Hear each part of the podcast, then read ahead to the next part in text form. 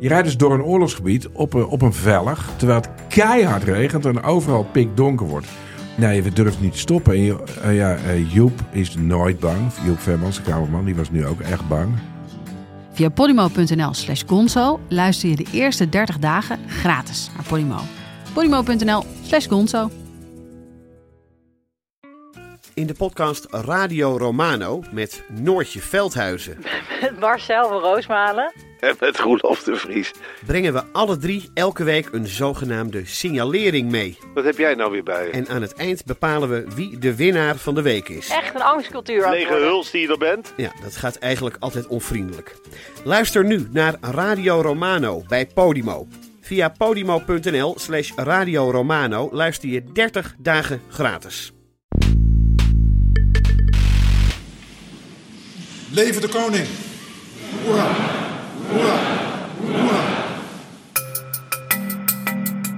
Dit is Betrouwbare Bronnen met Jaap Jansen.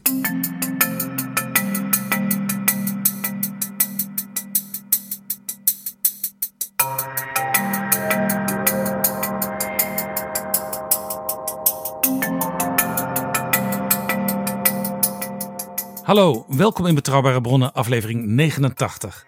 Ik ga praten met Jan-Anthony Bruin, sinds 2 juli 2019 voorzitter van de Eerste Kamer en daarmee ook van de Verenigde Vergadering van de Staten-Generaal.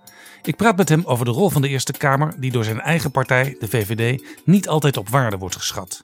Over veranderingen in die rol naar aanleiding van adviezen van de staatscommissie Remkes en over de Eerste Kamer als lobbymachine. Met Jan-Anthony Bruin ga ik het ook hebben over het versnipperde politieke landschap en welke lessen hij heeft voor de kabinetsformatie van 2021. Ook wil ik van hem weten hoe hij de opkomst verklaart van populisten als Trump, de PVV en Forum voor Democratie. We praten ook nog even over de staatsrechtelijke opleiding van kroonprinses Amalia en over de vraag waar Prinsjesdag gevierd gaat worden als het Binnenhof gerenoveerd wordt. Welkom in Betrouwbare Bronnen, Jan-Anthony Bruin. Zelfs als mensen u nog niet kennen, dan kennen ze u toch, want u mocht op Prinsjesdag Leven de Koning roepen. Vereist dat nog speciale kwaliteiten? Nee. Misschien enige stressbestendigheid, maar. Nee, ik heb er wel eh, natuurlijk van tevoren over nagedacht wat er zou gebeuren als eh, het mis zou gaan. In die zin dat ik heb het grootste deel van mijn leven met een koningin te maken gehad. Dus ik heb wel van tevoren bedacht, wat ga ik nou doen als ik per ongeluk roep, leven de koningin? Want dat heb ik natuurlijk vaak gehoord. En toen had ik wel voor mezelf de oplossing bedacht dat ik dan daarna zou roepen, en de koning. Want we hebben tenslotte een koning en de koningin, dus zo zou het dan. Maar het was niet nodig. Dit is Betrouwbare Bronnen. U volgde afgelopen jaar Ankie Broekers Knol op. Wat heeft u van haar geleerd? Van Ankie heb ik heel veel geleerd, want ik was al zeven jaar lid van de Eerste Kamer. En ik heb dus zeven jaar lang kunnen zien hoe zij voorzat en, ehm, en hoe dat gaat. En eh, we hebben wel veel geschreven regels in de Eerste Kamer, maar toch ook wel veel ongeschreven regels. En vooral daar moet de voorzitter natuurlijk ook echt wel eh, handhaven en er zijn. En, eh, dus ik heb veel van Ankie geleerd. Wat, wat is het belangrijkste? Want als je ongeschreven regels hebt, dan moet dat dus op een gegeven moment zich in je hoofd nestelen. Ja, het, belang, het belangrijkste vind ik, en wat ik haar ook heb zien doen, is je rolopvatting en je rolvastheid. En de rol van de Kamervoorzitter is het zorgen dat de Kamerleden hun werk goed kunnen doen. En al het andere spruit daar eigenlijk uit voort.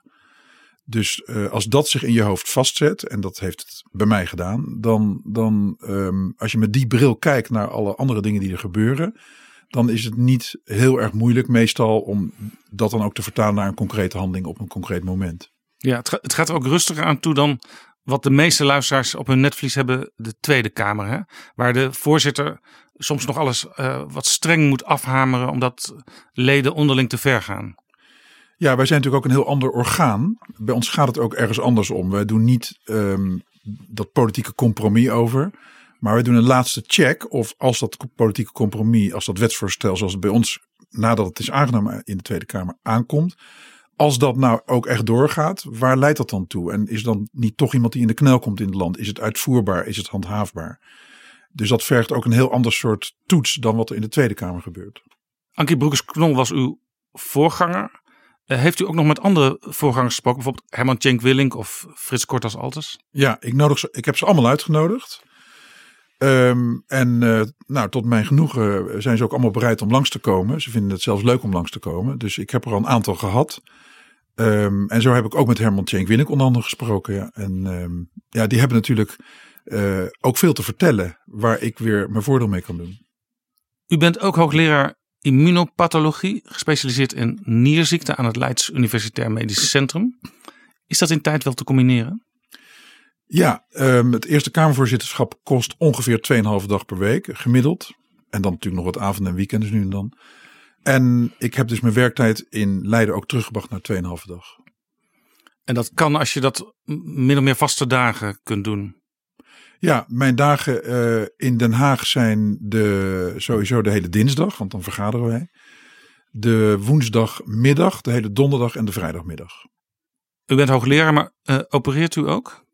Nee, ik ben als patholoog verantwoordelijk voor het stellen van diagnoses op, uh, op weefselstukjes die bij patiënten worden afgenomen. Dus ik kan bijvoorbeeld, als ik iets aan mijn nieren heb, dan kan dat bij u terechtkomen? Ja, als u iets aan uw nieren heeft, um, dan, uh, en er wordt een nierbiopsie genomen, een klein stukje uit uw nier gehaald door een internist of een nefroloog of een kinderarts, als het om een kind gaat. Dan komen die weefselstukjes allemaal terecht bij de pathologen. En als het om nieren gaat, dan uh, zijn er in Nederland een, een, aantal pathologen helemaal daarin gespecialiseerd. Die nierziektes komen niet vaak voor. Dus er zijn uh, een aantal academische pathologen die daar vooral naar kijken.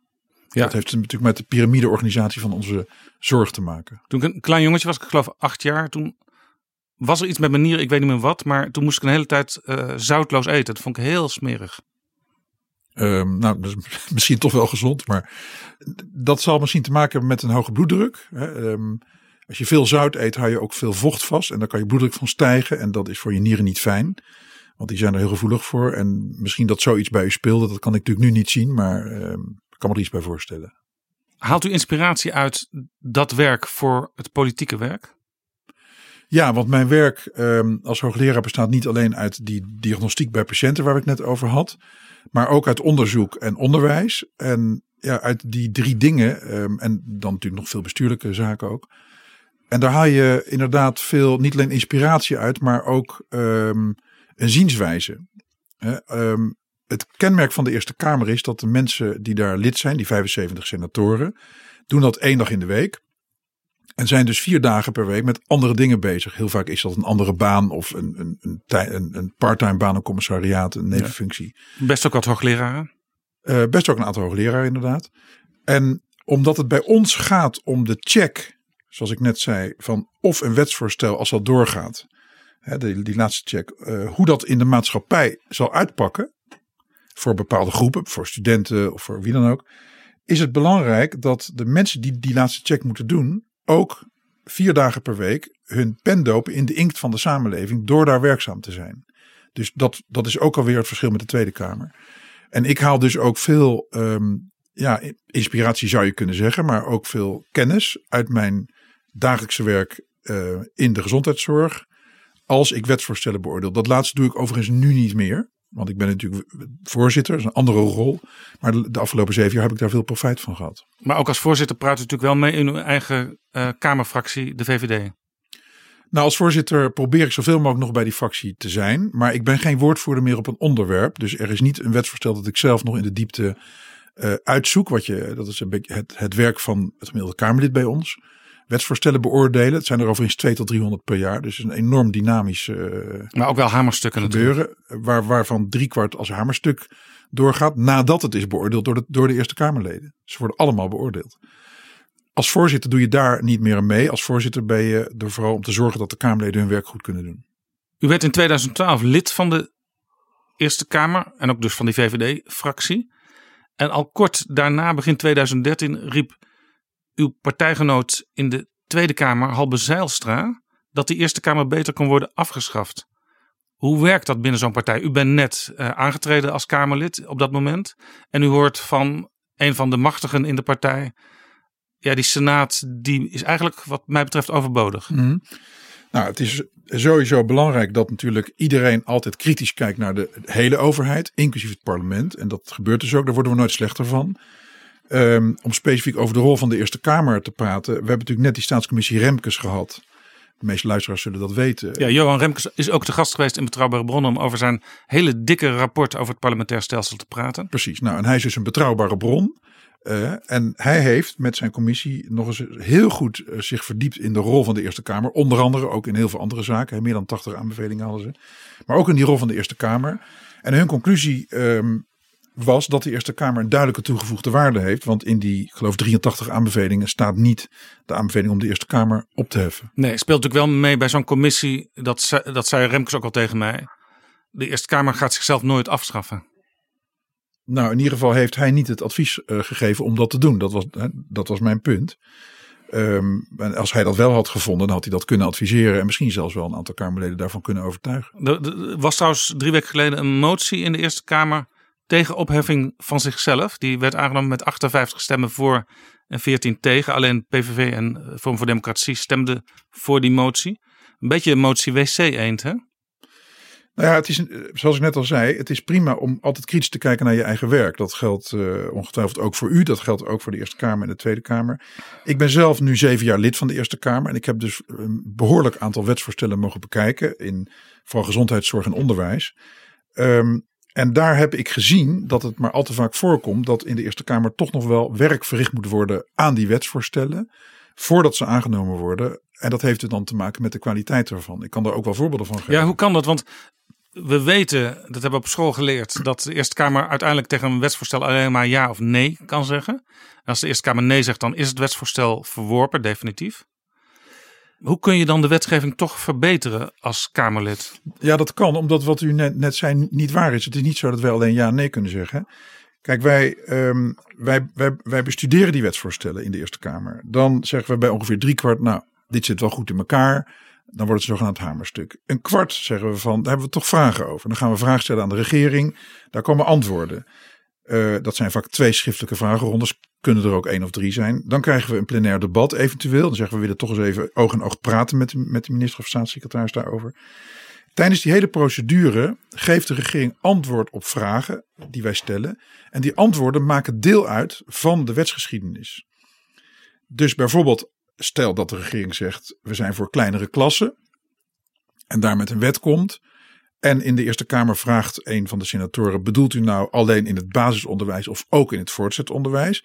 En de regering zegt in een, in een schriftelijk antwoord in de schriftelijke vragenronde of tijdens een plenair debat: nee, ik bedoel in het primair en het voortgezet onderwijs. Dan is dat op dat moment ook onderdeel van die wet. Ja. En je ziet ook dat rechters, die vaak later ook te maken krijgen met toetsing aan wetgeving, vaak niet alleen de wetstekst pakken, maar ook de handelingen uit de Tweede en de Eerste Kamer. En dat vertaalt zich uh, ook niet alleen in uh, verfijningen, dus het voorbeeld dat ik net gaf, maar ook bijvoorbeeld in toezeggingen. Er worden ook toezeggingen gedaan. De Eerste Kamer kan ook moties indienen. En de Eerste Kamer kan uiteindelijk ook inderdaad vragen aan de regering om het wetsvoorstel nog eens opnieuw te bekijken en eventueel opnieuw um, te, schrijven of aan te passen. Dat gebeurt ook regelmatig.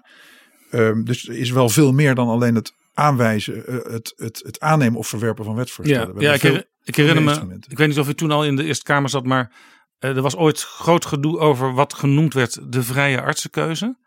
En daar dreigden toen uh, leden van de Partij van de Arbeid tegen te stemmen. De Partij van de Arbeid zat toen in het kabinet. Dus dat was heel erg lastig.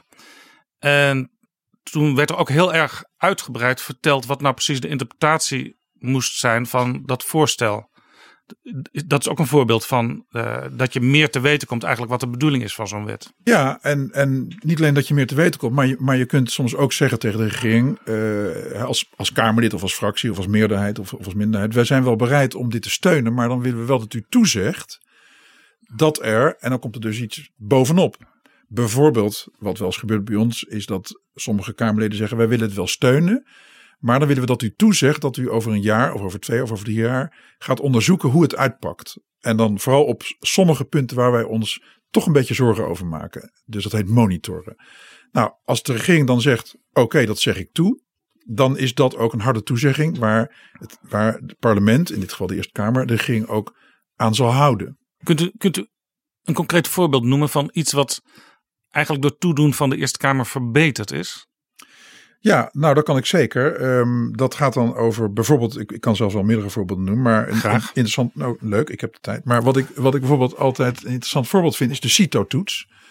De CITO-toets, als het dus eindtoets in het basisonderwijs, die was um, oorspronkelijk niet verplicht.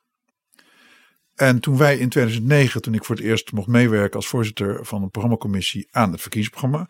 Toen stonden wij in een kroegje in Groningen. En toen riep een leraar daar: Jullie moeten die CITO-toets verplichten.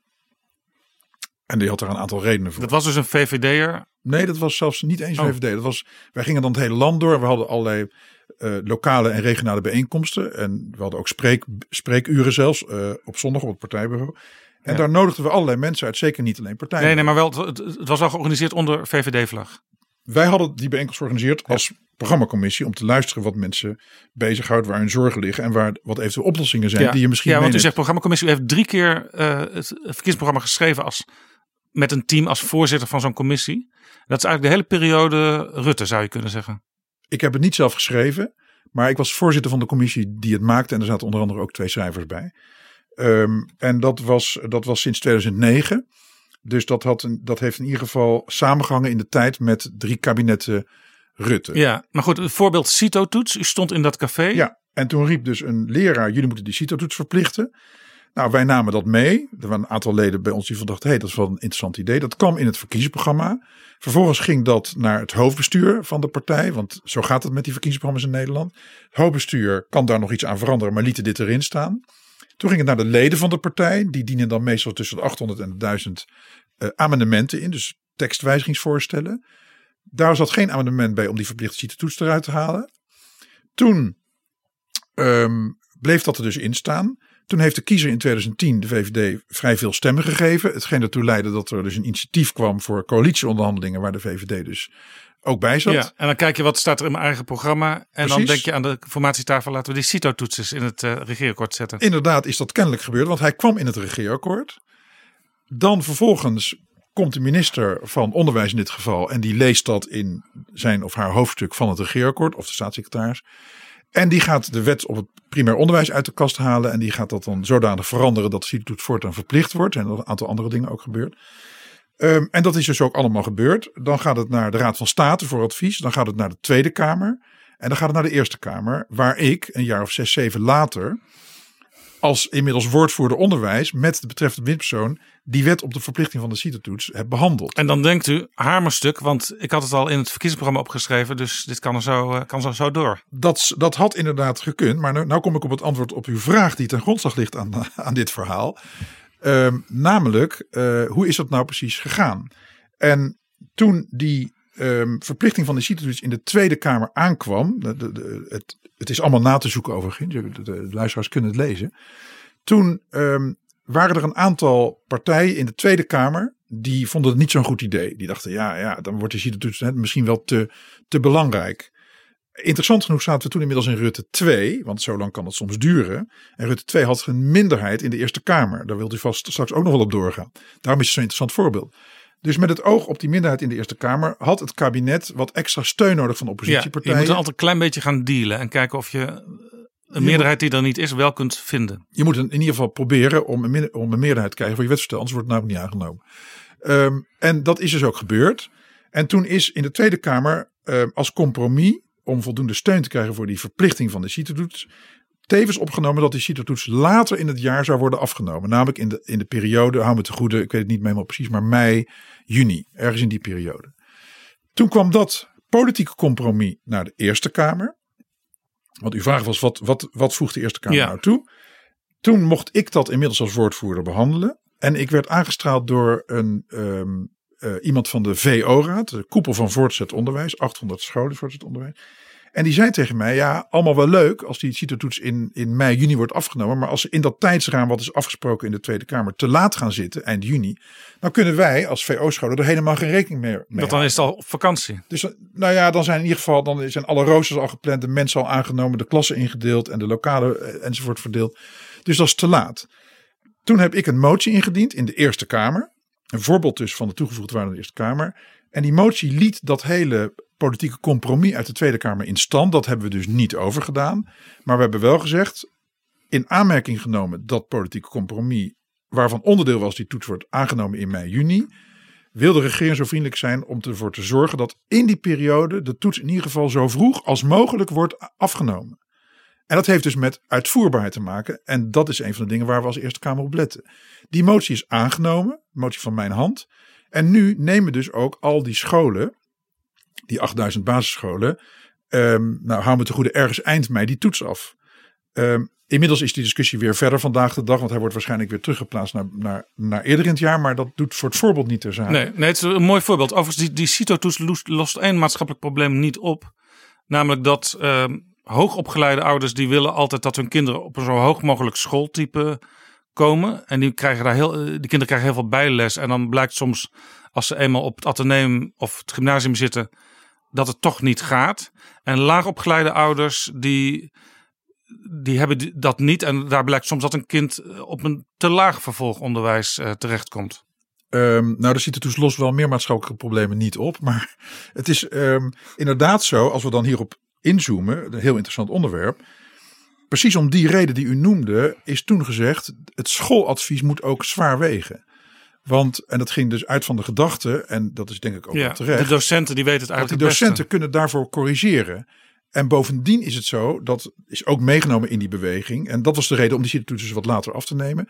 En bovendien kan de CITO-toets uitslag alleen leiden tot een bijstelling van het schooladvies omhoog, niet omlaag. Dit allemaal om dus tegemoet te komen aan het uw punt, wat een heel goed punt is, dat het natuurlijk, um, dat het natuurlijk ook erg van de thuissituatie afhangt en alle bijlessen die iemand krijgt, uh, hoe die uiteindelijk scoort in zo'n toets. En dat hoeft dus niet altijd ook echt iets te zeggen over iemand zijn talenten en zijn competenties en zijn kansen. Ja, dit was een voorbeeld uit het onderwijs. U zei, ik heb nog wel meer voorbeelden. Kunt u er nog eentje geven? Ja, nou dit, dit vind ik in ieder geval altijd een mooi voorbeeld uh, waaraan je niet alleen ziet wat de Eerste Kamer doet, maar waar je overigens ook die hele trit ziet van die ene leraar in Groningen die dat roept en uiteindelijk het wetsvoorstel, wat dan dankzij die leraar wordt gewijzigd. Ja, en, en dan zie je, dat is ook een mooi voorbeeld, omdat dan die Eerste Kamer die toch altijd een beetje ja, een vage positie heeft, zeg maar in de beleving van veel burgers, hier rechtstreeks eigenlijk op het initiatief van één burger uiteindelijk een besluit neemt. Inderdaad. En bovendien ook nog iets heel belangrijks toevoegt in de Eerste Kamer. Wat te maken heeft met die laatste check. Als je dit nou gaat doen, waar leidt het dan toe? Hé, hey, wacht even, dat politieke compromis in de Tweede Kamer. Als je het precies zo uitvoert als het nu ligt, dan kan het zijn dat sommige scholen het laten afnemen. En wij hebben dus in de Eerste Kamer met een motie dat gerepareerd. En dat was heel belangrijk voor de uiteindelijke uitvoerbaarheid. En toen hebben we de wet ook aangenomen. En dan is het handig dat je een heel breed palet aan Kamerleden hebt dat uit alle maatschappelijke geledingen voortkomt. Ja, waarvan er dus een aantal ook in het onderwijs werken, die dat dan signaleren. Precies, dat is, dat is dus inderdaad hartstikke mooi. Nou ja, er zijn, er zijn meer voorbeelden. We hebben natuurlijk het elektronisch patiëntdossier gehad. Hè, een aantal jaren geleden. Dat is verworpen hè, in de Eerste Kamer. Ja, waarbij de Eerste Kamer zei, maar dat is wel vrij lang geleden. Um, wij zijn niet overtuigd van de veiligheid van dat elektronisch patiëntendossier. Dus wij verwerpen dat. En daar, in, inmiddels leidt dat dan natuurlijk weer tot nieuwe vormen en nieuwe wetsvoorstellen van een kabinet om dat beter te doen. Een ander voorbeeld, uh, en dat is dus echt verworpen, hè, dus een ander voorbeeld, dat is dus niet aangenomen. Uh, weer iets anders wat er kan gebeuren, dat gebeurde nog een paar maanden geleden, ik denk uh, afgelopen september of oktober. Toen kwam de minister van VWS ook, Bruno Bruins, met een, met een wet en die ging over investeringsmogelijkheden in de zorg. Dus kunnen zorg uh, aanbieders, dus instellingen, ziekenhuizen, kunnen die uh, privé kapitaal aantrekken. Hè? Moeten we dat toestaan? Dat kan nu namelijk niet of heel beperkt. En die wet die, die zag erop dat dat zou gaan gebeuren. Nou, die is toen in de Tweede Kamer aangenomen. Toen hebben we in de Eerste Kamer daar een debat over gehad. Eerst natuurlijk paar schriftelijke rondes, zoals ik net vertelde. En in, die, in dat debat werden vragen gesteld aan de minister over deze wet, die toch wel zo kritisch waren dat de minister zelf zei, dat is dus weer een ander scenario, weer een andere variant, dat de minister zelf zei aan het einde van die eerste vragenronde van de Kamer: Ja, dit geeft mij zelf aanleiding om dit proces even te stoppen. Hij begon, begon zelf een beetje te twijfelen aan zijn eigen wetsvoorstel. Nou, hij zag ruimte voor verbetering, zou ik liever zeggen. Hij dacht: Dit kan beter, want het zijn goede vragen. Um, dus ik neem die wet terug, ik stop dat proces en ik ga een nieuwe verbeterde wet indienen. Het was dus zijn eigen initiatief. Hij zag ruimte voor verbetering, maar wel op grond van een debat wat we met hem hadden Waarbij dus een aantal Kamerleden, waarvan sommigen ook in de zorg werkzaam zijn, zeiden van ja, ja, ja, uh, we zien daar wat haken en ogen. hij zag er dus uiteindelijk zelf ook. Ja, dus nou, er zijn verschillende manieren waarop de Eerste Kamer kan optreden. Ja, nou is, uh, u noemde dat elektronisch patiëntendossier, dat is afgewezen. En dat is, dat is er dus in die vorm niet gekomen. U noemt dit voorbeeld. Nou heeft Johan Remkes in zijn uh, rapport als, als, als voorzitter van die staatscommissie een voorstel gedaan uh, je zou eens moeten kijken of de Eerste Kamer niet een terugzendrecht zou moeten krijgen. En dat betekent, de Eerste Kamer zegt op een gegeven moment, dit wetsvoorstel vinden we uiteindelijk niet aan de maat. Uh, we hebben een aantal bezwaren en dat wetsvoorstel met die bezwaren erbij sturen wij terug naar de Tweede Kamer, zodat de Tweede Kamer nog eens met de minister er goed naar kan kijken. Is dat een goed idee? Nou, het is in ieder geval um, nog niet overgenomen door, door, het kabinet. Het wordt onderzocht. Uh, dus ik denk dat we eerst moeten afwachten hoe het voorstel er uiteindelijk echt uitziet. Ja. Want je kunt daar het, kabinet, het, kabinet, de minister van Binnenlandse Zaken, uh, Knops nu, maar misschien straks weer uh, Ollongren. Ja.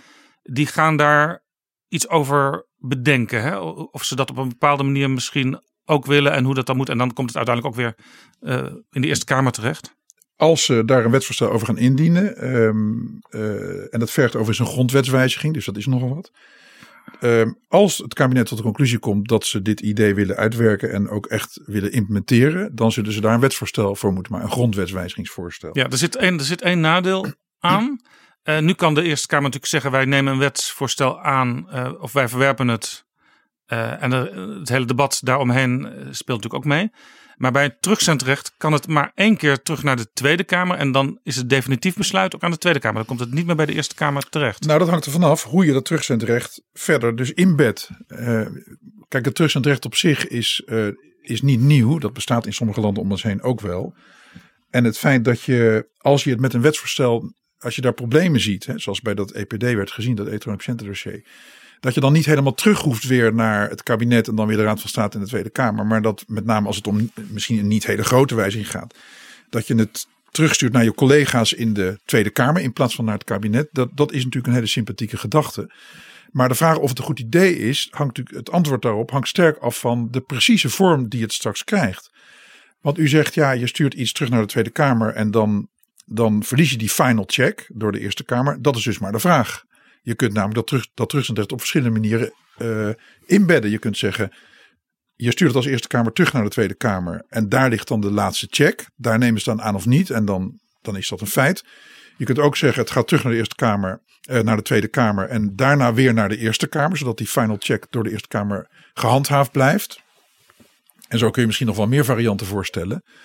En alles heeft voor- en nadelen. In, in de landen om ons heen waar dit op verschillende manieren vorm krijgt, zie je soms ook bijvoorbeeld dat een wetsvoorstel dan heel lang heen en weer pingpong tussen die twee kamers. Nou, dat is ook niet altijd ideaal, want de mensen in het land willen op een gegeven moment wel duidelijkheid. De mensen in het land willen op een gegeven moment duidelijke wetswijziging en die moeten er op, wel op een beetje afzienbare termijn komen. Want voor de mensen in het land zijn die wetten gewoon heel belangrijk. Dus um, hoe, hoe dat terugzendrecht exact wordt ingebed in dat wetsvoorstel wat er misschien komt moeten we denk ik eerst afwachten voordat we daar een orde over gaan vellen. Dat doet niet, overigens niet ik als Kamervoorzitter, maar dat doen natuurlijk de Kamerleden zelf. Ja, ja. Halbe Zijlstra, ik noemde hem aan het begin, die vond dat de Eerste Kamer af en toe te politiek bezig was. Toen, had, toen hadden kabinetten waar de VVD in zat, hadden daar last van. En hij als VVD-leider in de Tweede Kamer, die, die zei, nou ja, misschien moeten we dat hele, die hele Senaat maar afschaffen. In de campagne voor deze nieuwe Eerste Kamer uh, toen daarvoor verkiezingen waren, toen zeiden nieuwe kandidaten, ik noem Meili Vos, Partij van de Arbeid, ik noem Paul Rozemuller, GroenLinks. Ja, dat, dat wordt straks wat in die uh, Eerste Kamer, want uh, het kabinet heeft misschien geen meerderheid en dan kunnen wij daar flink politiek een stempel op drukken. Toen werden zij gewaarschuwd door Annemarie Jortsma, lijsttrekker toen van de VVD. Zo gaat dat helemaal niet in de Eerste Kamer. Is dat ook de werkelijkheid? Gaat het zo niet in de Eerste Kamer? Nou, het gaat niet zo, als je met zo bedoelt, dat je daar het, de politieke discussie in de Tweede Kamer echt over doet. Ik heb het net aan de hand van het voorbeeld van die Citotoes denk duidelijk gemaakt. Daar hebben we die discussie niet over gedaan. Maar we hebben, we hebben toch een aantal problemen gezien en ook opgelost. Um, aan de andere kant is de Eerste Kamer is een politiek orgaan. We hebben een Raad van State, dat is echt een juridisch orgaan. De Eerste Kamer is een gekozen orgaan. Daar zitten volksvertegenwoordigers in. Die zitten daar vanuit een bepaalde politieke partij. Dus met een bepaald ideaalbeeld van de samenleving. Um, en dat heet dan politiek. Dat grijpt terug op de oude Grieken, de politeia. Uh, de manier waarop je de, de stad inricht met z'n allen. In dit geval het land. Dus het is een politiek orgaan. Uh, en wij kijken dus ook met een politieke bril naar de kwaliteit van wetsvoorstellen. Dat is iets anders dan, dan als je met een politieke bril een compromis maakt. Dat zijn twee verschillende dingen. Ja. Dus we zijn een politiek orgaan. Maar Annemarie had natuurlijk gelijk dat we niet overdoen wat in de Tweede Kamer gebeurt. Nee, nee. Maar het is ook wel zo dat iemand die tegen een bepaald plan is, die gaat daar niet voor stemmen in de Eerste Kamer omdat het uitvoerbaar is. Dat hangt af van uh, de afweging van dat individuele lid. Uh, u had het net over de situatie waarin de Eerste Kamer, uh, waarin er een minderheid is voor een kabinet. Nou, dat hebben we onder Rutte 2 bijvoorbeeld gezien. Rutte 2 had een minderheid en we hebben het trouwens nu weer. Maar als je kijkt naar Rutte 2, um, het heeft het land bepaald niet onregeerbaar gemaakt. Er zijn tien grote hervormingen doorgevoerd onder Rutte 2, met een minderheid in de Eerste Kamer. Um, en die minderheid in de Eerste Kamer heeft, eh, als je kijkt uh, wat, waar het dan wel toe geleid heeft, dus in ieder geval niet tot on, onbestuurbaarheid, onregeerbaarheid, heeft er wel toe geleid dat het kabinet goed moest luisteren naar oppositiepartijen. En dat vind ik uit democratisch oogpunt ook prima, want daar staan namelijk kiezers achter. Dus zolang het niet leidt tot een onregeerbare situatie, zie ik er het nadeel niet van. Maar dat, dat, dat luisteren naar oppositiepartijen, dat gebeurt dan meestal niet luisteren naar Meili Vos of Paul Rozemuller, maar naar uh, Lodewijk Asscher in de Tweede Kamer en Jesse Klaver in de Tweede Kamer. Dus het compromis wordt dan in de Tweede Kamer al gesloten vaak. Nou, als ik terugkijk naar die CITO-toets, daar is in de Tweede Kamer rekening gehouden met oppositiepartijen, meer dan gebruikelijk, omdat er in de Eerste Kamer inderdaad een meerderheid was voor dat kabinet. Ik zie daar het kwade niet in. Ondertussen zie je wel het duidelijke verschil tussen de Eerste en de Tweede Kamer. Denk ook in al die voorbeelden. Dat EPD was aangenomen in de Tweede Kamer als politiek compromis. Is verworpen in de Eerste Kamer op grond van uitvoerbaarheid. Die CITO-toets die was aangenomen op basis van een comp politiek compromis in de Tweede Kamer. Wij zagen daar in de uitvoerbaarheid toch een aantal problemen, met name dat moment in de tijd. En hebben daar dus ook een reparatie op gepleegd. En die wet investeringsmogelijkheden van Bruno Bruins, dat andere voorbeeld van een half jaar geleden, die mhm. was aangenomen in de Tweede Kamer als politiek compromis. In de Eerste Kamer werden daar toch ook weer in de uitvoerbaarheid een aantal, nou, laten we zeggen, uitdagingen gezien. En daar heeft de minister dus reden gezien om die wet terug te nemen. Dus alleen al uit die geschiedenis blijkt het grote verschil tussen de Tweede, en, uh, tweede en de Eerste Kamer. Ze, ze liggen natuurlijk wel dicht tegen elkaar aan. En het zou ook veel slechter zijn als er een kloof tussen zat. Ja, als, die twee. als je kritiek hoort op de Eerste Kamer en de, de politieke kant van de Eerste Kamer, de politieke bemoeienis van de Eerste Kamer, dan speelt ook wel eens mee dat uh, als er Tweede Kamerverkiezingen zijn geweest en veel recenter Eerste Kamerverkiezingen, dat Eerste Kamerleden kunnen zeggen: ja, wij zijn eigenlijk een veel uh, recentere afspiegeling van wat het volk wil, dus ze moeten naar ons luisteren. Uh, daarom is er ook een idee van de commissie Remkes en het kabinet kijkt daar ook naar, om de Eerste Kamer anders te gaan kiezen. Een Kamerlid zit dan zes jaar en elke drie jaar wordt de helft van de Eerste Kamer nieuw gekozen. Is dat een goed idee? Want dan, dan maak je eigenlijk de, de Eerste Kamer nog wat ja, onpolitieker. Dan doet het er eigenlijk niet zoveel meer toe uh, wanneer een Kamerlid gekozen is. Ja, dat is interessant. Dat komt overigens niet uit het rapport Remkes. Dat is iets wat, de, wat, uh, wat het kabinet zelf heeft toegevoegd. Oh, dan zit dat zo in mijn hoofd. Ja, nou dat kan me voorstellen hoor. Uh, want er, zaten, er komen heel veel dingen wel, wel uit het rapport Remkes. Maar in zijn evaluatie van het rapport Remkes heeft het kabinet dit toegevoegd aan het lijstje. Um, en het was voor 1983 was het al zo dat die zittingstermijn zes jaar was. En dat de helft van de Kamer dus dan iedere drie jaar wordt, um, wordt gekozen. Ja, 1983 was een grote grondwetswijziging omleiding ingezet door Ed van Tijn. En daar is dat toen uitgehaald. Ja, en het heeft natuurlijk een aantal uh, voor, voor, voor- en nadelen ook. Het ligt nu overigens voor consultatie. Dus het kabinet kijkt nu uh, bij de mensen die daarin geïnteresseerd zijn. Of, uh, of er enig draagvlak is, of er problemen worden gezien. Dus er is ook nog geen wetsvoorstel ingediend. Dus ook daarvan weten we niet precies hoe dat eruit gaat zien. Dus moeilijk om daar nu een oordeel over te vellen. Maar in algemene zin is natuurlijk het, het, het idee erachter dat de kiezer volatieler wordt inderdaad. Dus de, de, de, de, de uitslagen van de verkiezingen die verschillen sterker. En dat zou dus kunnen leiden tot een, een, een ongewenst, hè, tussen aanhalingstekens, verschil tussen de Eerste en Tweede Kamer. Um, en dat kan met stabiliteit van de politiek te maken hebben, ook waar u naar, naar verwijst, denk ik. Um, een ander argument wat hiervoor ook aan naar voren wordt gebracht, is dat de provinciale statenverkiezingen minder zouden worden belast door de Eerste Kamerverkiezingen, wat natuurlijk landelijke verkiezingen zijn.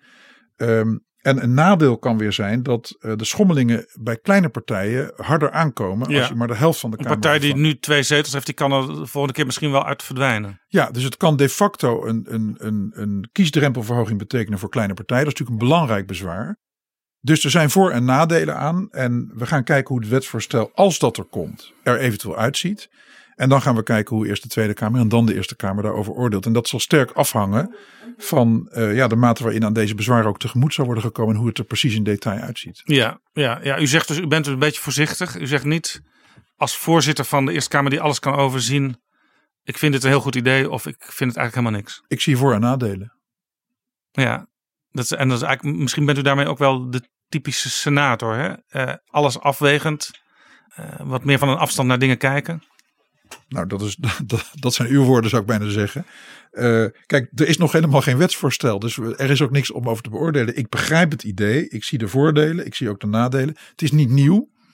Het, het was al zo voor 1983. Een aantal landen om ons heen hebben het nog steeds. Het komt ook niet uit het rapport Remkes.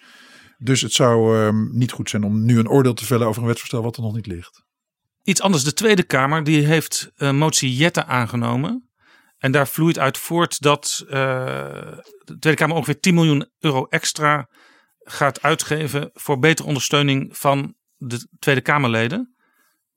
Uw Kamerleden, als je het vergelijkt met de Tweede Kamer, hebben vrijwel geen ondersteuning. Zou dat ook niet anders moeten voor de Eerste Kamer? Ja, en dat is ook meegenomen door de Tweede Kamer bij, bij die wetswijziging waar het over heeft. Want daar is ook voorzien in een, uh, in een ophoging van het budget. Kunt u even vertellen, uh, als je nu een Kamerlid, een Eerste Kamerlid hebt of een Eerste Kamerfractie, wat voor ondersteuningen hebben zij? Als je lid bent van de Eerste Kamer, dan heb je in ieder geval. Kijk, we hebben in ieder geval een, een, een griffie. We hebben ongeveer 60 mensen die daar werken. Dat zijn hele deskundige mensen. En die ondersteunen dat hele proces in de Eerste Kamer. En die mensen zijn ontzettend belangrijk en, en nogmaals heel erg goed. En dat is een belangrijke ondersteuning. Maar dat is wel vaak een procedurele ondersteuning. We kunnen wel ook informatie opvragen via de Griffie. En ze kunnen ook dingen voor ons uitzoeken. Maar dat doen we dan meestal als groep. Uh, als individueel Kamerlid heb je in de Eerste Kamer die uh, daar niet rechtstreeks ondersteuning aan. Een paar, paar uitzonderingssituaties daar ja, Je hebt dus geen persoonlijk medewerker en je hebt ook geen uh, beleidsmedewerkers die over, nee, over onderwerpen gaan. Heb je niet. Nee, je hebt per fractie nog een medewerker en je hebt wel eens studenten die stage komen lopen die ook dingen voor je kunnen uitzoeken. Is dat een nadeel? Nou, ik heb daar zeven jaar rondgelopen als Kamerlid. Uh, ik heb dat nooit als een nadeel ervaren. Het betekent wel dat je zelf veel uitzoekwerk moet doen en dat je veel uh, informatie moet halen. Maar het voordeel daarvan is dat het ook echt door je aderen stroomt. En dat als je dan een debat uh, voert of vragen stelt aan de regering, dat je ook het echt ook voor je ziet en, en weet waar het over gaat. Desalniettemin is dat natuurlijk karig. En vooral wel omdat we zien dat de hoeveelheid werk in de Eerste Kamer ook wel toeneemt. Men, we hebben natuurlijk nu meer fracties. Uh, dus dat wil zeggen dat fracties ook gemiddeld kleiner worden. 14 geloof ik op het moment. 14, ja. Dat wil dan zeggen, als je, kijk, als een fractie kleiner is en je moet hetzelfde aantal wetsvoorstellen beoordelen per jaar, 2 tot 300, heb je per fractielid dus meer werk. Ja, met 75 mensen maar. Met 75 ja. mensen, ja. Dus dat wil zeggen dat die behoefte aan, aan wat meer ondersteuning uh, is, is toegenomen. En er gaat dus nu ook wat meer fractieondersteuning komen. En die komt uit datzelfde wetsvoorstel als waar die motie Jette ook uh, op ziet als het om de ondersteuning ja. van de Tweede Kamer En dat betekent van één fulltime fractiemedewerker naar... Ik weet niet helemaal exact de aantallen, maar dat, dat wordt in ieder geval niet een echte verdubbeling. Ik, ik geloof dat er hooguit een, een FTE per fractie bij komt. Maar dat moet ik even schuldig blijven hoe dat, hoe dat exact. Het is in ieder geval niet een heel, heel groot percentage op het budget. Maar het, het geeft wel enige verruiming aan de Kamerleden. Uh, en ik denk dat dat ook heel goed is. U had altijd veel functies naast uw Kamerlidmaatschap. Ik heb er een keer een lijst van 19 geteld. Vaak is de kritiek op Eerste Kamerleden, ja, dat zijn eigenlijk lobbyisten, want die, die, die hebben allerlei maatschappelijke functies. En op dinsdag zien ze elkaar en dan smeden ze daar uh, hun plannen samen. Eigenlijk sublimeren ze daar dan hun lobbyactiviteiten. Wat zegt u daarop? Nou, kijk, um, de kracht van de Eerste Kamer zit erin dat de leden van de Eerste Kamer één dag in Den Haag zijn en de andere dagen in de samenleving van alles doen. Dat kan uh, allerlei banen zijn, dat, kunnen, dat kan een privéleven zijn, dat kan, dat kan van alles, dat kunnen fulltime banen zijn, dat kunnen toezichthoudende dingen zijn, commissariaten. En wat we al eerder bespraken, het, uh, gezien het eigene van het werk in de Eerste Kamer, namelijk een finale check op de kwaliteit van een wetsvoorstel, niet het politieke compromis overdoen, maar als je dat uitvoert, wat betekent dat dan in het land? Is het dus ook sterk dat je ook een groot deel van de tijd zelf in het land bezig bent met zaken waar dan die wetsvoorstellen gaan neerdalen. Dan kan je dat ook goed beoordelen. Dat is ook precies de hele gedachte erachter. Um, tegelijkertijd brengt dat natuurlijk belangen met zich mee. En daar, daar, daar letten we scherp op. Bijvoorbeeld, dus uw vraag is op zich terecht. Laat ik een voorbeeld noemen bij, bij mezelf. ehm, toen de donorwet bij ons werd behandeld een aantal jaar geleden. Dat ging dus kort, heel kort samengevat, uh, wijzigde het donorsysteem bij transplantaties van een nee tenzij naar een ja tenzij systeem. Uh, ja, iedereen is donor tenzij je dat niet wil. Ja, dat, dat is kort, heel kort, te kort samengevat de essentie van die wet. Want het is natuurlijk veel genuanceerder dan dat, maar dat was de essentie. Um, toen kwam die wet aan in de Eerste Kamer. En ik ben zelf in mijn werk bezig met transplantatiepatiënten. Dat is een van mijn, van mijn, uh, van mijn van de zaken waar ik behoorlijk wat uh, mee bezig ben. Dus um, dat had het voordeel dat ik wel mogelijk enig verstand heb ook van zo'n wetsvoorstel en de hele, de hele inbedding waarin dat plaatsvindt in de samenleving. Maar tegelijkertijd het nadeel dat er dus een schijn van belangenverstrengeling kon zijn. En dan moet je die afweging maken. Ik heb die afweging toen gemaakt, toen die wet binnenkwam. Die heb ik ook heb mezelf erop aangesproken. En toen heb ik me gerealiseerd, ja, een, een, een buitenstaander die kijkt naar die meneer Bruin, die overdag bezig is met mensen die wachten op een orgaan. Die heeft een tekort aan organen en met zo'n wet. En die gaat dan die wet behandelen. Is, is die wel helemaal objectief? Gaat die, kan die dat nou wel helemaal objectief beoordelen? En die vraag heb ik, terwijl ik zelf dacht, nou, dat kan ik wel, toch beantwoord als het om de schijn van belangenverstrengeling gaat, van hier kan een schijn ontstaan. Dus ik ga die wet niet behandelen. En we hebben toen in de fractie besloten dat Frank de Graven dat zou gaan doen. Dus dat is typisch een voorbeeld van uh, waar je inderdaad soms een schijn van belangenverstrengeling kan hebben. En dan moet je dus ook jezelf erop aanspreken. Ja, maar dat lukt niet altijd perfect. Hè? Want er zijn uit het verleden wel voorbeelden van Kamerleden die toch op een bepaalde manier belangen bleken te hebben waar ze het waarschijnlijk met hun collega-fractiegenoten niet over gehad hadden. Perfect zal het nooit worden, maar we hebben wel daar een discussie over gevoerd de laatste jaren. Hoe we dat beter kunnen doen. En dat heeft geleid tot een. Um... Ja, er is zelfs een heel ja, toch wel drama geweest rond mevrouw Anne-Wil Duttler, VVD-Kamerlid. Uh, zij is uiteindelijk ook uit haar fractie gestapt. Nou, ik zei, het is niet altijd perfect. En de afgelopen jaren hebben we aanleiding gezien om daar een discussie over te voeren. En die heeft nu geleid tot een nieuwe integriteitscode. En wat houdt dat in? Dat houdt een paar concrete dingen in. Ik zal er twee noemen. De eerste is dat, um, en dan wordt het heel concreet, hè, uh, wij noemden op de website van de Eerste Kamer altijd wel al onze functies die we buiten de Eerste Kamer hadden. Iedereen kon dus zien dat ik bijvoorbeeld een dokter was die ook met transplantatiepatiënten te maken heeft. Um, maar nu gaan we dat nog veel uitgebreider doen. We gaan bij al die zaken ook een, een, een omschrijving doen. In feite stond er toen alleen op dat ik patholoog was op het gebied van nierziekte. Maar nu zal ik er ook bijschrijven dat ik daar met transplantatiepatiënten te maken heb. En als ik ergens toezichthouder ben bij een school, dan staat er nu ook op wat houdt dat dan in? Wat voor school is dat en wat is toezichthouder? We gaan dus veel uitgebreider vermelden wat als neef. Het wordt zeg maar in die zin transparanter voor buitenstaanders. Dat iedereen precies kan zien wat doet deze meneer of deze mevrouw nou allemaal nog buiten de Kamer.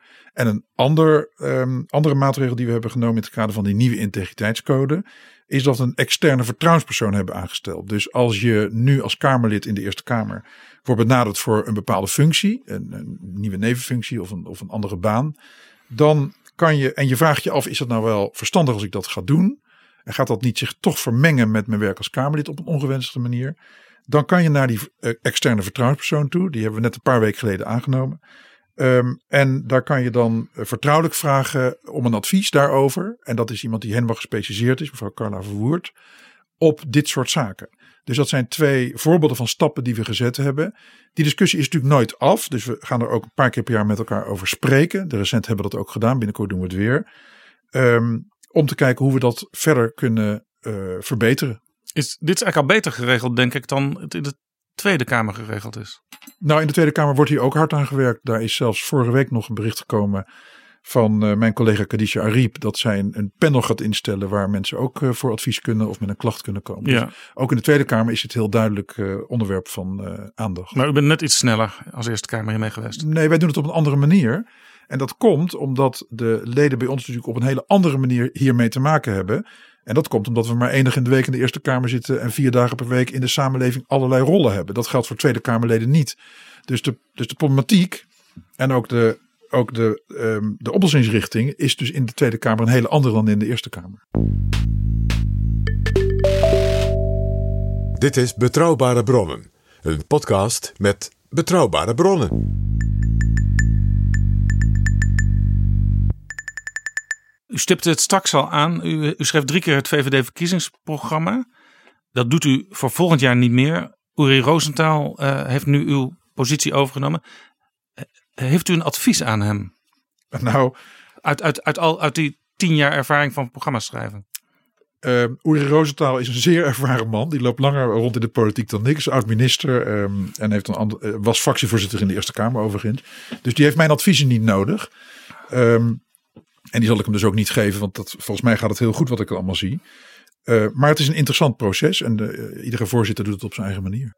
Ik begreep van u dat u dat een van uw taken was als voorzitter om in de gaten te houden of een programmatekst wel stemwijzer proof is.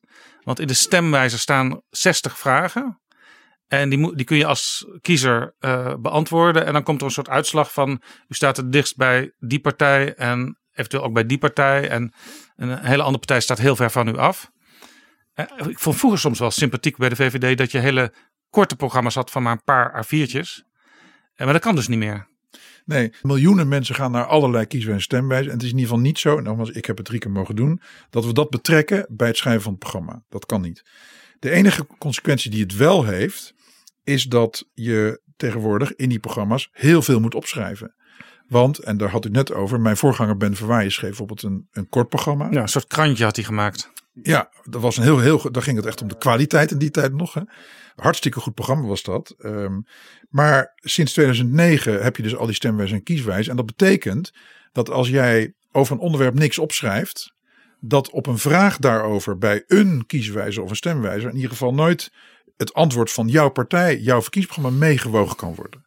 Dus, dus het effect onderaan de streep is dat je over veel onderwerpen iets moet opschrijven. Dat vind ik een heel mooi effect. Want uit democratisch oogpunt is dat natuurlijk prima dat een kiezer, hè, de mensen in het land, over heel veel onderwerpen weten wat die partij eventueel met de stem gaat doen als die kiezer zijn stem aan die partij geeft. Maar wordt het dan niet veel minder aantrekkelijk om uh, in dit geval Tweede Kamerlid te zijn? Want alles staat al in het telefoonboek voor je opgeschreven. Nou, u zei net nog dat u het juist zo jammer vond dat, dat, het, niet, uh, dat het niet veel kortere programma's zijn. Dus... Nee, nee, dat bedoel ik. Ja, als het een kort programma is, dan kun je als Kamerlid de details nog een beetje zelf invullen. Ja, nou in ieder geval is dat nu niet zo. Um, en um, Tweede Kamerleden zijn gebonden aan het verkiezingsprogramma en, en aan het regeerakkoord. Uh, en nogmaals, ik denk dat dat hartstikke goed is. Ja, ja, ja. Wat wel lastig is tegenwoordig, uh, dat blijkt ook uit onderzoek. Het politieke landschap is versnipperd. U heeft zelf te maken met 14 fracties in de Eerste Kamer. U heeft ze natuurlijk allemaal even lief, want daarvoor bent u de voorzitter van de Eerste Kamer. Maar 78% van de kiezers in Nederland vindt het landschap te versnipperd. Hebben we hier te maken met een probleem?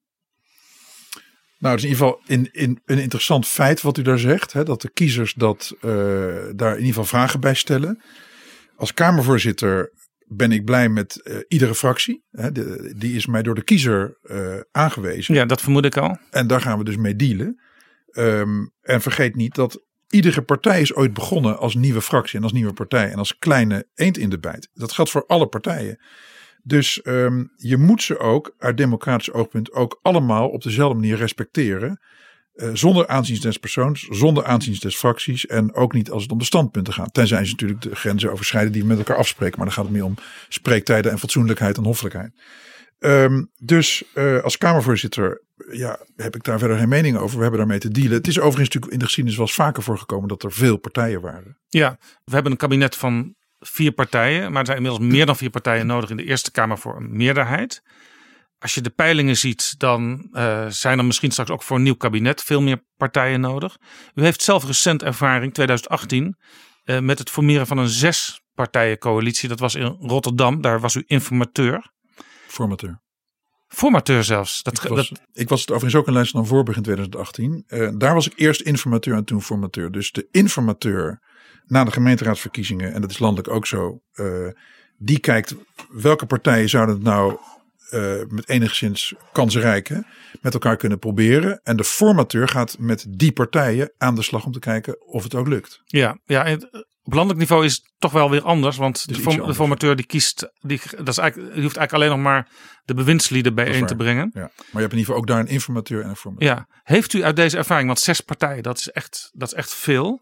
Heeft u een tip voor de nieuwe informateur landelijk? Uh, waar moet die op letten? Nou, hij moet vooral genieten van het prachtige proces. Want zo kijk ik erop terug uh, in, uh, in Rotterdam en in Leidschendam-Voorburg. Het was eigenlijk een van, de, een van de mooiste dingen die ik ooit gedaan heb. Um, want je komt dus aan tafel te zitten met, zoals in Leidschendam-Voorburg, vier partijen en in Rotterdam zes partijen. En dat zijn allemaal mensen die het beste voor hebben met de stad. Laten we het even bij Rotterdam houden, maar dat was natuurlijk elders ook zo. Um, je hebt bovendien ook nog te maken met partijen die niet zijn aangewezen door de informateur om het te gaan proberen. De beoogde oppositiepartijen.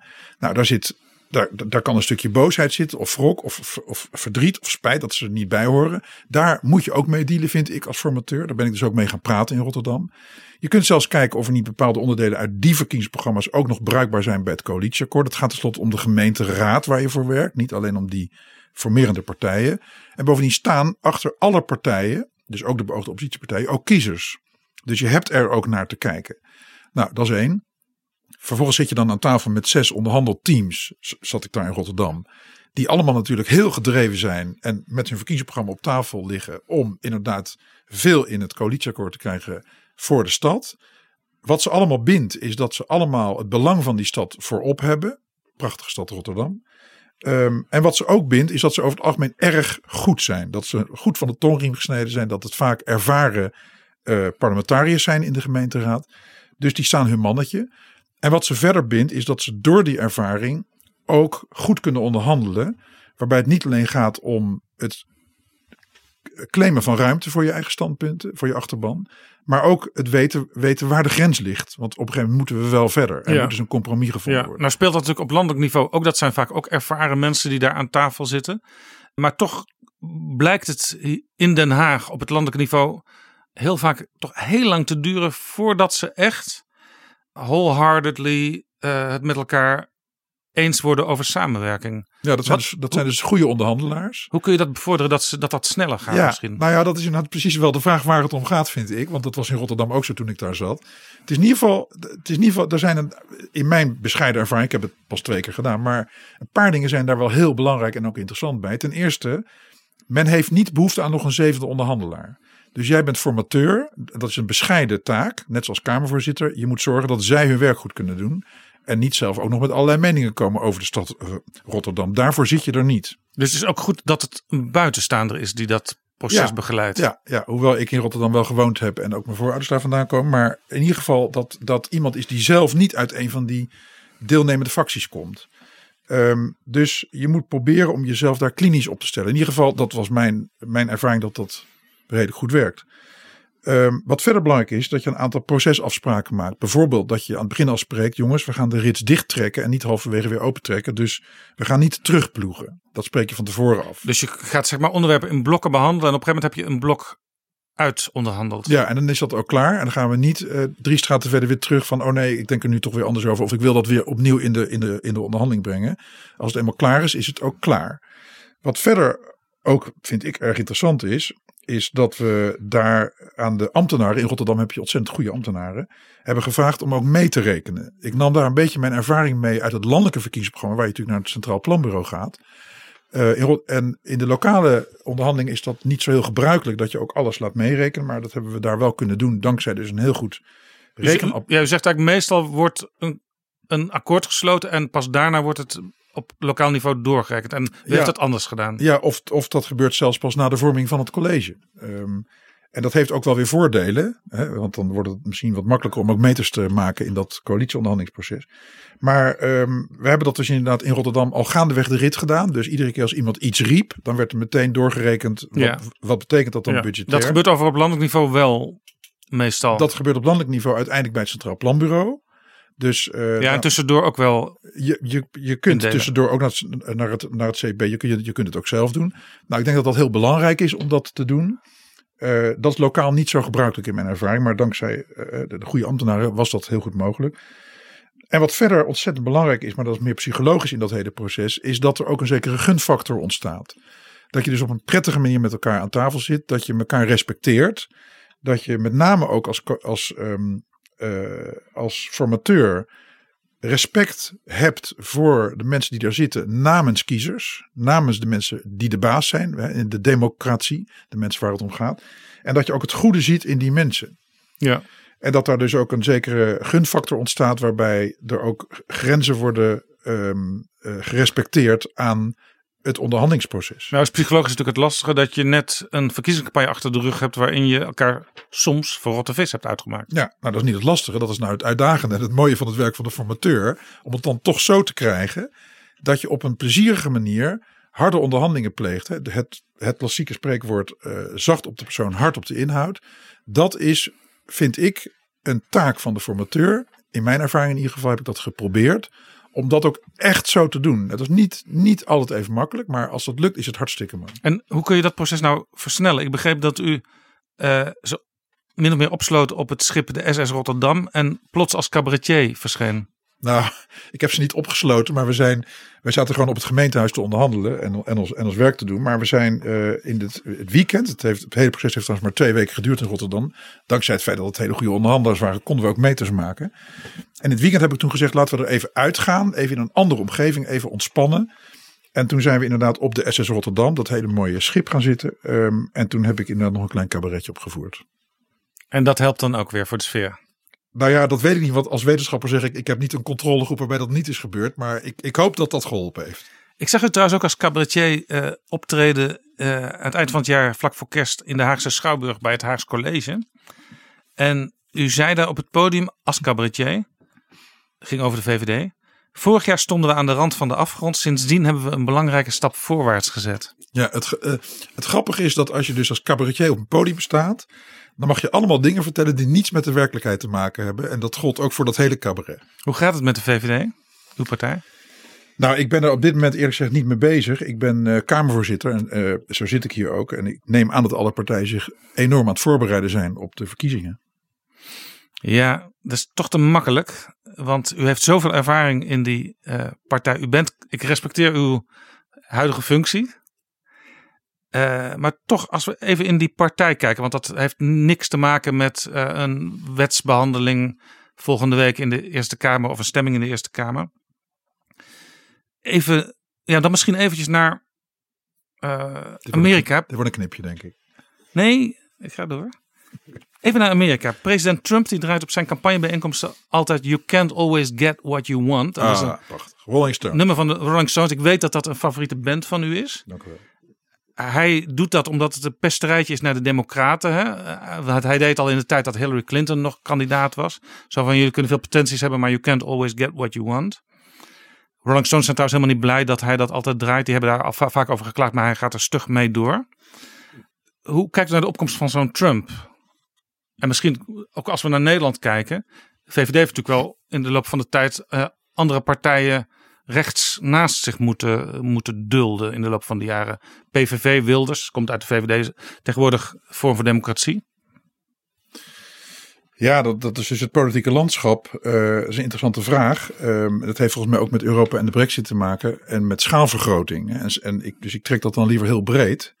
Ehm, schaalvergroting is ook iets van alle tijden. Bestuurlijke schaalvergroting. De oude Grieken hadden het daar in feite met de politiij al over. Want toen ging men, in plaats van diffuus over het landschap, ging men in een groep werken. Dat noemen ze dan de stad, de politeia. Dat, is, dat betekent stad. En hoe gaan we dat dan inrichten? En daar kwam de politiek vandaan. Hoe gaan we dat gezamenlijk dan doen? En Ja, dus het prettige dorpsgevoel is een beetje verdwenen voor veel mensen. Nou, in ieder geval is die opschaling is van alle tijden. Gedreven door technologie. Vandaag de dag schalen we op door digitale technologie. En ja, wordt heel snel de wereld eigenlijk één groot geheel. Hè. Mijn kinderen zitten en mijn promovendi ook. Die werken in een, een global network. Waarbij ze soms niet eens meer weten in welk land iemand zich bevindt. Waar ze mee aan dealen zijn. En ook niet welke taal die persoon spreekt. Dat is gewoon een gemeenschappelijke taal geworden. En een gemeenschappelijke ruimte. Dus die opschaling gaat heel snel. Nou vind ik het interessante daarvan ehm, dat die opschaling kennelijk iets is wat we als mensen zelf creëren en ook mogelijk maken, maar ook noodzakelijk maken om sociaal, cultureel en economisch succesvol te zijn. Tegelijkertijd brengt die opschaling ons ook in contact met het vreemde, een vreemde cultuur. Toen ik in 1976 naar Amerika ging om te studeren, waren de culturele verschillen en ook economische verschillen tussen Amerika en Nederland bijvoorbeeld veel groter te zien aan de kleding die de mensen aan hadden, de denkbeelden die ze hadden, de, de, de, de, het, het eten wat ze aten, de auto's waar ze in Ja, u ging studeren in Baltimore. Ja, dan Ah, nu. Als ik liedjes hoor over Baltimore, dan gaan ze altijd over hard life in Baltimore. Ja, nou, Nina was- Simone, Randy Newman. Ja, inderdaad, mooi hè? Ja, trouwens. In Newman ook een held. Ehm, maar goed, eh, dus Dus die verschillen, als je dus de wereld laat opschalen, dan vermengen we ons ook qua cultuur. En daar hoort dus van alles bij. Ehm, en dat brengt dan een uitdaging met zich mee, want we zijn er evolutionair, en dat zeg ik dan ook een beetje vanuit mijn studie als dokter natuurlijk, er niet op geselecteerd om te houden van het vreemde. Als je naar dieren kijkt, die leven als groepen met, van gelijkgestemden uh, in een kudde. En degene die zo, zo, zo, zo brave, zo, hè, zo stoer is om eruit te stappen, ja, die wordt door een leeuw opgegeten. Dus degenen die geselecteerd worden, zijn degenen die voorzichtig zijn als het om contact met het Ja, vreemde gaat. de angst voor het vreemde is dus evolutionair verklaarbaar. angst, Ja, precies. Maar die angst keert zich tegen je als je bezig bent met het ontwerpen van de technologie. Dat zijn wij als mensen dus al heel lang. Die het niet alleen mogelijk, maar op een gegeven moment ook zelfs sociaal, cultureel en economisch noodzakelijk maakt om te dealen met het tussen aanhalingstekens vreemde. Ehm, en in die context plaats ik bijvoorbeeld ook eh, Europa. En als je terugkijkt naar Nederland en je kijkt retro gaat, dan ligt er bij, de, bij, bij het plaatsje Warrens aan het IJsselmeer ligt een steen, de steen van Warrens. En daar staat op Liver de als slave. En die refereert naar de tijd dat de Hollanders, gedreven door technologie, namelijk boten, het, eh, de Zuiderzee overstaken en Friesland, een ander land, aanvielen om economische reden en werden verslagen door die Friesen bij die kust. Onder het motto liever dood dan slaaf. En ze dropen weer af. Dus die schaalvergroting is ook in ons verleden altijd met horten en stoten gegaan.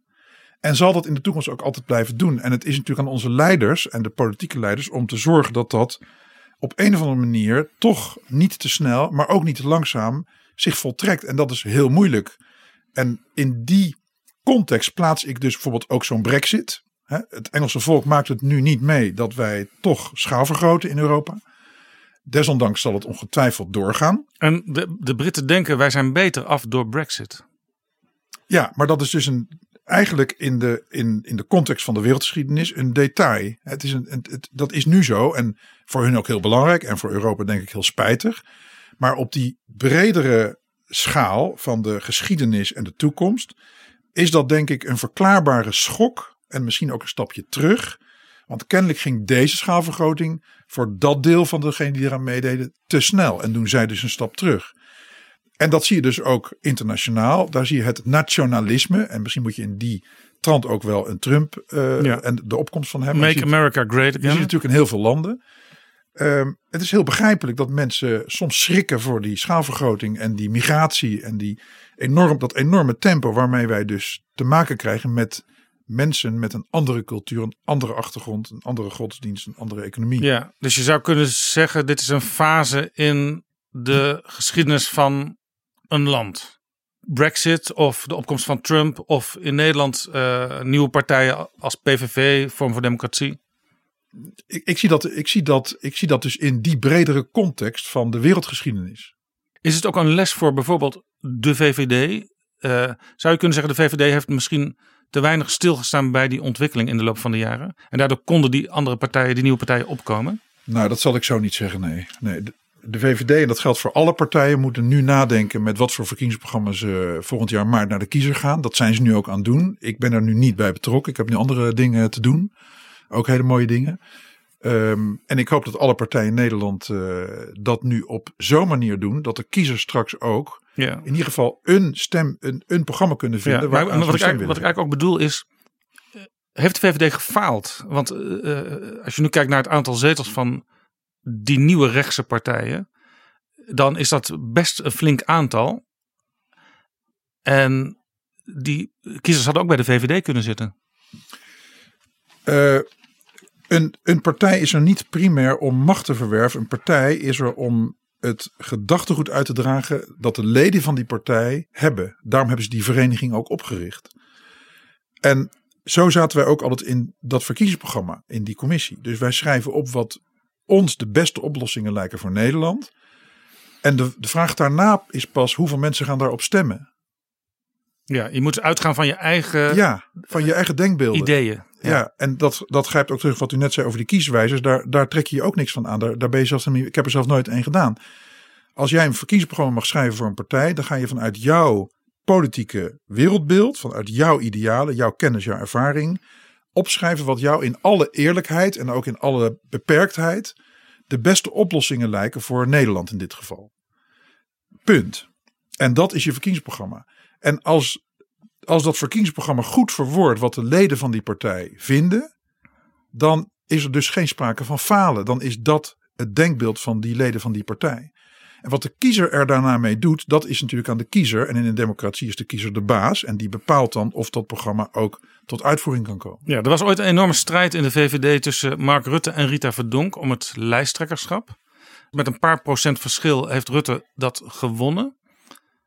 Zou je dat kunnen beschrijven zoals dat toen ging als een strijd om de ziel van de partij?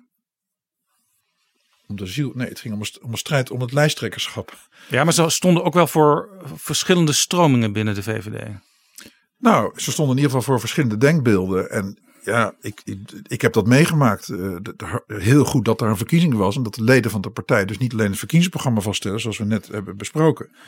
Maar dat de leden van de partij ook bepalen wie er op de lijst komen, inclusief wie de lijsttrekker wordt. En dat dan eerst de lijsttrekker wordt bepaald, daarna de rest van de, de rest van de lijst. Dat is dan weer vers 2. Ja. Maar ik vond dat hartstikke mooi dat de leden konden kiezen wie de lijsttrekker wordt, wie het politieke gezicht wordt. Als u dat de ziel van de partij wil noemen, nou ja, dan, is dat, dan, dan mag dat. Maar ja, ja, u praat er nogal klinisch over, is misschien ook wel uit uw vak uh, verklaarbaar. Nee, nee, nee, het is niet klinisch, het is juist heel betrokken. Ik vind het ontzettend belangrijk in een democratie dat ook in de partij partijdemocratie bestaat. En dat de leden van de partij kiezen wie de leider wordt. Dat is wat daar gebeurde. En dat vind ik dus hartstikke mooi. Dat vind ik bepaald niet klinisch. Dat vind ik juist de essentie van wat Plato en Socrates al bedoelden met democratie.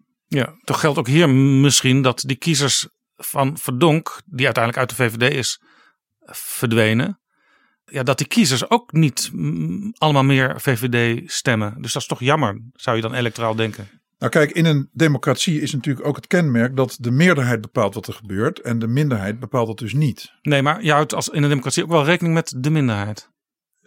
In een, in een democratie wordt hopelijk zo vaak als mogelijk uh, rekening gehouden met de minderheid. Daarom heb ik ook gezegd dat ik bijvoorbeeld als formateur ook met de oppositiepartijen ging praten, althans de beoogde oppositiepartijen.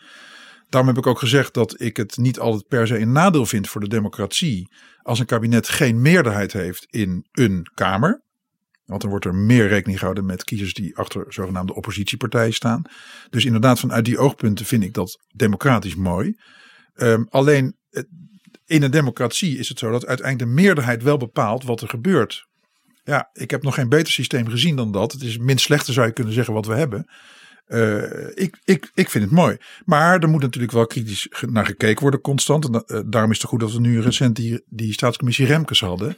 Die naar dat hele stelsel weer kritisch heeft gekeken. En nou, wellicht dat het kabinet nu de kussens weer eens wat gaat opschudden. Uh, maar die democratie, dat is wel essentieel. om die reden heb ik bijvoorbeeld ook het initiatief genomen om op 20 november een verenigde vergadering bijeen te roepen in, in dit jaar 2020. Om te herdenken dat op dezelfde datum in 1945, 75 jaar geleden, de democratie weer werd hersteld. Want in die Tweede Wereldoorlog zijn er niet alleen ontzettend veel slachtoffers gevallen, wat natuurlijk verschrikkelijk is en waar we ook veel aan terugdenken. Maar er is ook nog iets anders gebeurd, namelijk de democratie is afgeschaft. Ja, als je in, de, in die prachtige bibliotheek van de Tweede Kamer uh, kijkt, waar alle handelingen verzameld staan, dan zie je daar ook een gat in die periode 40-45. Uh, toen het parlement niet bijeenkwam. En dat is altijd educatief een heel mooi moment ook voor rondleiders. Want dan vraag je natuurlijk aan leerlingen meestal, of aan oude mensen. hey, daar een gat, wat zou dat zijn? Ja, en, ja. ja, interessant. Dat gaat hierover. Precies, precies. En dat doet me denken aan toen ik 16 was, toen, toen maakte ik een interrail met een vriendje van me. Um, dus dan kon je in iedere trein in heel Europa stappen. En toen gingen we naar Griekenland en in 1978 was daar net het kolonelsbewind. En die mensen werden dus onderdrukt. Er was geen democratie. En het volk kwam toen in opstand. In 1978 werd dat bewind verworpen uiteindelijk ook. En wij waren er heel toevallig. En wij zaten ergens in de buurt van Thessaloniki in een heel klein plaatsje. Stapten we uit die trein. En mensen zijn allemaal heel gastvrij daar. Dus wij mochten bij, bij, bij mensen komen eten die we verder helemaal niet kenden. Hartstikke leuk. Het is een heel klein dorpje. En die mensen vertelden ons over hun leven daar. En die zeiden: We hebben hier twee problemen. We hebben namelijk armoede en we hebben geen democratie. En dat laatste vinden wij erger dan die armoede. En dat, heb ik, dat heeft toen enorme indruk op mij gemaakt. En toen dacht ik: uh, Ja, ik had democratie. En mijn, ik heb nooit een oorlog meegemaakt. Ik heb nooit verlies van democratie. Heel vanzelfsprekend vond ik dat altijd. En uh, armoede leek me verschrikkelijk. ehm, en daar werden dus mijn ogen geopend. En ben ik dus gaan nadenken over wat, waar hebben die mensen dan over? Wat is dan democratie?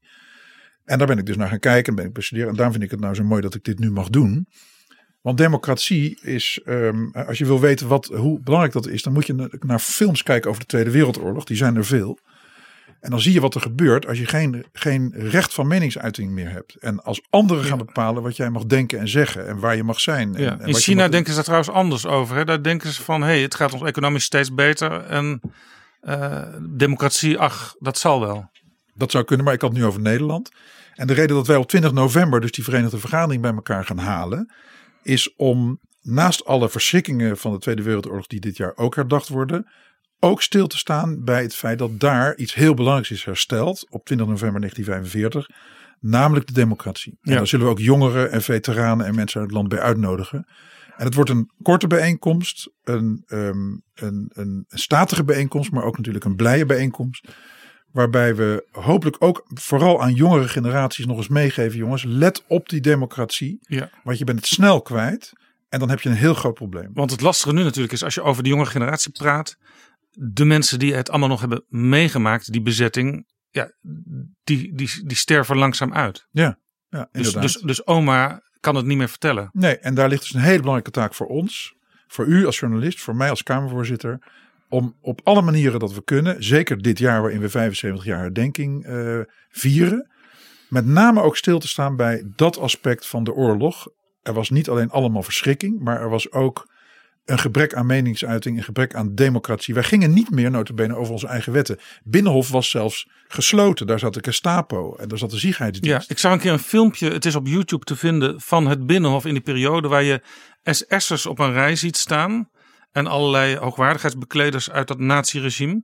En dat, dat slaat je echt koud om het hart, want het, het interessante is natuurlijk dat dat Binnenhof zoals dat toen was architectonisch, dat zag er op die plek, bij die ridderzaal, volledig hetzelfde uit zoals het er nu nog steeds Ja. uitziet. Oh, dat heb ik laatst ook gezien. En wij lopen dus de hele dag, zeg maar, op dat binnenhof door dat democratische decor.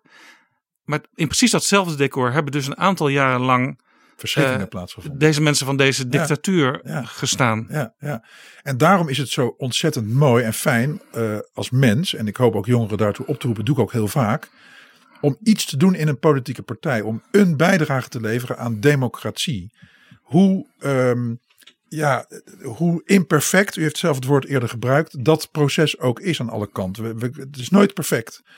Hè, maar het is in ieder geval het minst slecht systeem wat we hebben. Het is in ieder geval een manier om de macht zoveel mogelijk bij het volk te leggen. Daarom zijn er ook iedere vier jaar weer nieuwe verkiezingen. Dan kunnen wij als inwoners weer bepalen wie voor ons dat beleid kan gaan maken. Sprongetje, nog even naar Mark Rutte. Want u heeft die drie verkiezingsprogramma's geschreven. Dat ging eigenlijk parallel met eh, de opkomst van, van Mark Rutte. U heeft een klik met hem. Wat is die klik? En klik, nou, ik vind hem een hele goede politicus. Waarom is hij een goede politicus? Ik vind hem goed. Ik vind overigens ook andere politici goed. Ik vond Wim Kok ook heel goed. Ehm, eh, het goede van Mark vind ik dat hij altijd denkt in termen van oplossingen. Hij blijft dus niet steken, zoals ik in mijn werk, in de diagnose. maar hij komt ook met een therapie. Ja, kritiek is ook wel eens op hem dat hij eh, door zo naar die oplossingen te kijken, eh, soms vergeet dat hij van de VVD is.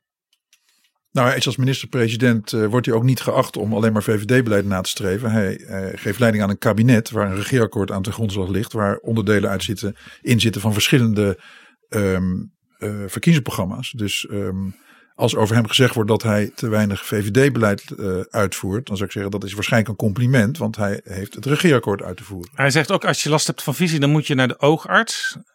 Eh, Dat is op zich een goed ko- idee. komen we toch weer in de medische sector Dat is een goed idee. Maar ik, dat is denk ik niet uw eh, idee, hè? Dat visie iets lastigs is.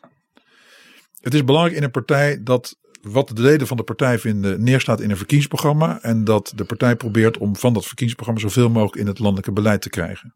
Ja, maar goed, al die leden van die partij die aan zo'n verkiezingsprogramma meewerken, die hebben eh, allemaal ieder voor zich wel last van visie. Dan is het toch fijn als je als leider van die partij daar ook een beetje sturing aan kan geven. Als het goed is, Of is het eigenlijk maar onzin wat Mark Rutte zegt? Hij heeft wel degelijk visie. Als het goed is, dan staat in het verkiezingsprogramma wat de leden vinden. De leden zijn de baas in de partij. Dat is Partij Democratie. En wordt dat verkiezingsprogramma vervolgens uitgevoerd door mensen die zich daarvoor aanmelden. En de ene wordt wethouder en de andere wordt raadslid. En de ene weer iemand anders wordt misschien wel minister-president. Uh, die is dan niet meer gebonden aan het verkiezingsprogramma. Maar de visie komt van de leden van de partij. Ja, dat begrijp ik. Dat is natuurlijk een heel mooie theoretische beschrijving. Nee, heel praktisch.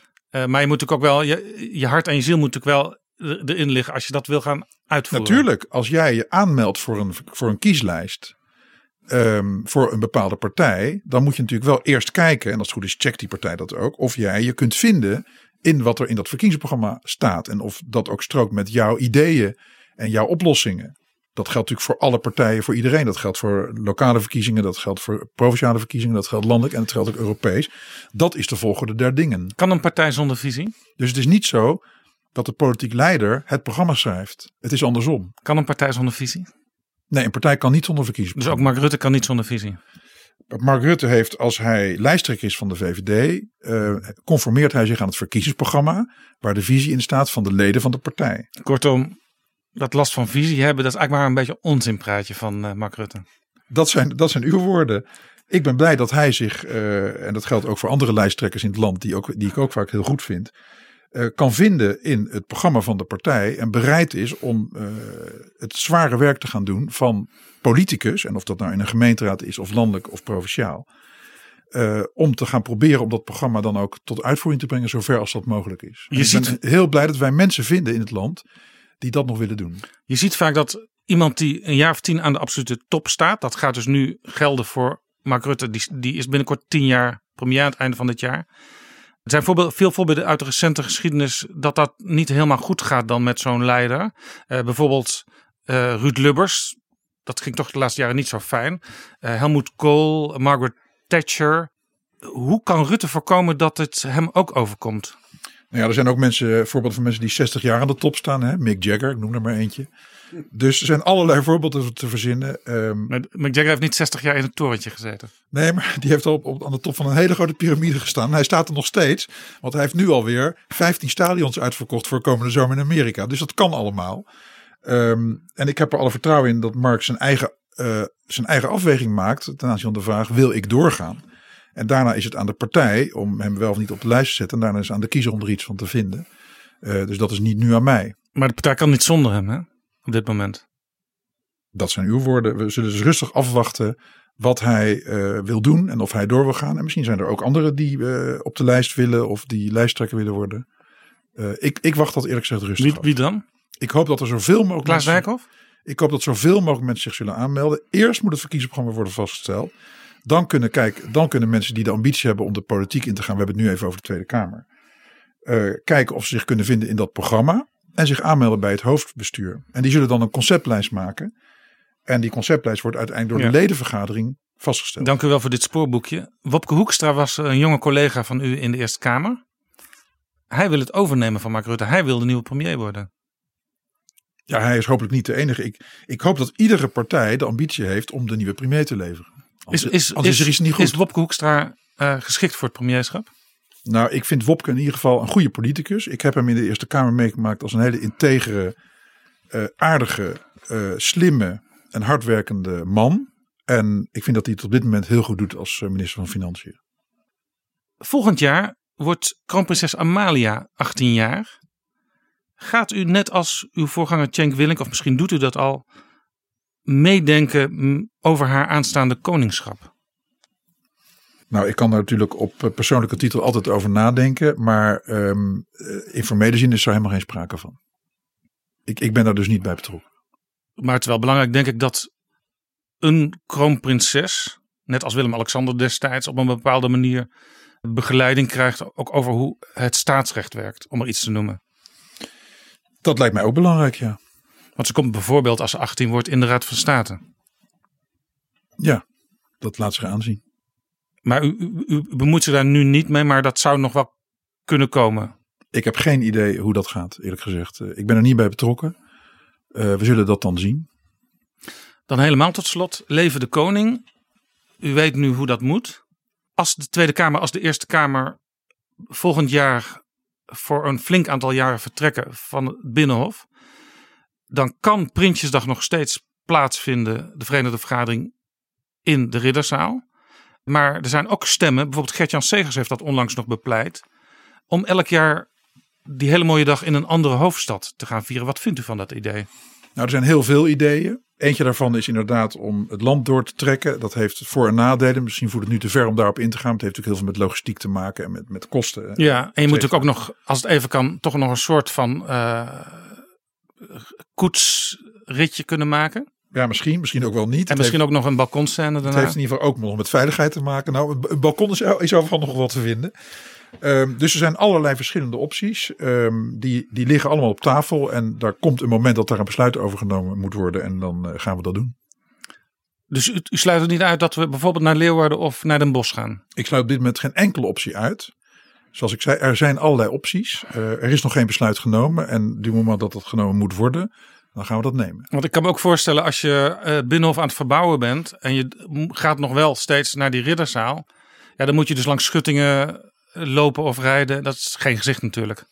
Ik heb geen idee uh, hoe die situatie dan is. Nogmaals, dat gaan we allemaal nog bestuderen. Het is nu nog niet aan de orde, dat besluit. Zodra dat besluit aan de orde komt, dan gaan we dat nemen.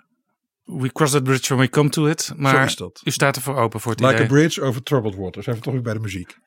Dank u wel voor dit mooie gesprek. Dank u, ik vond het heel fijn. Dank u wel.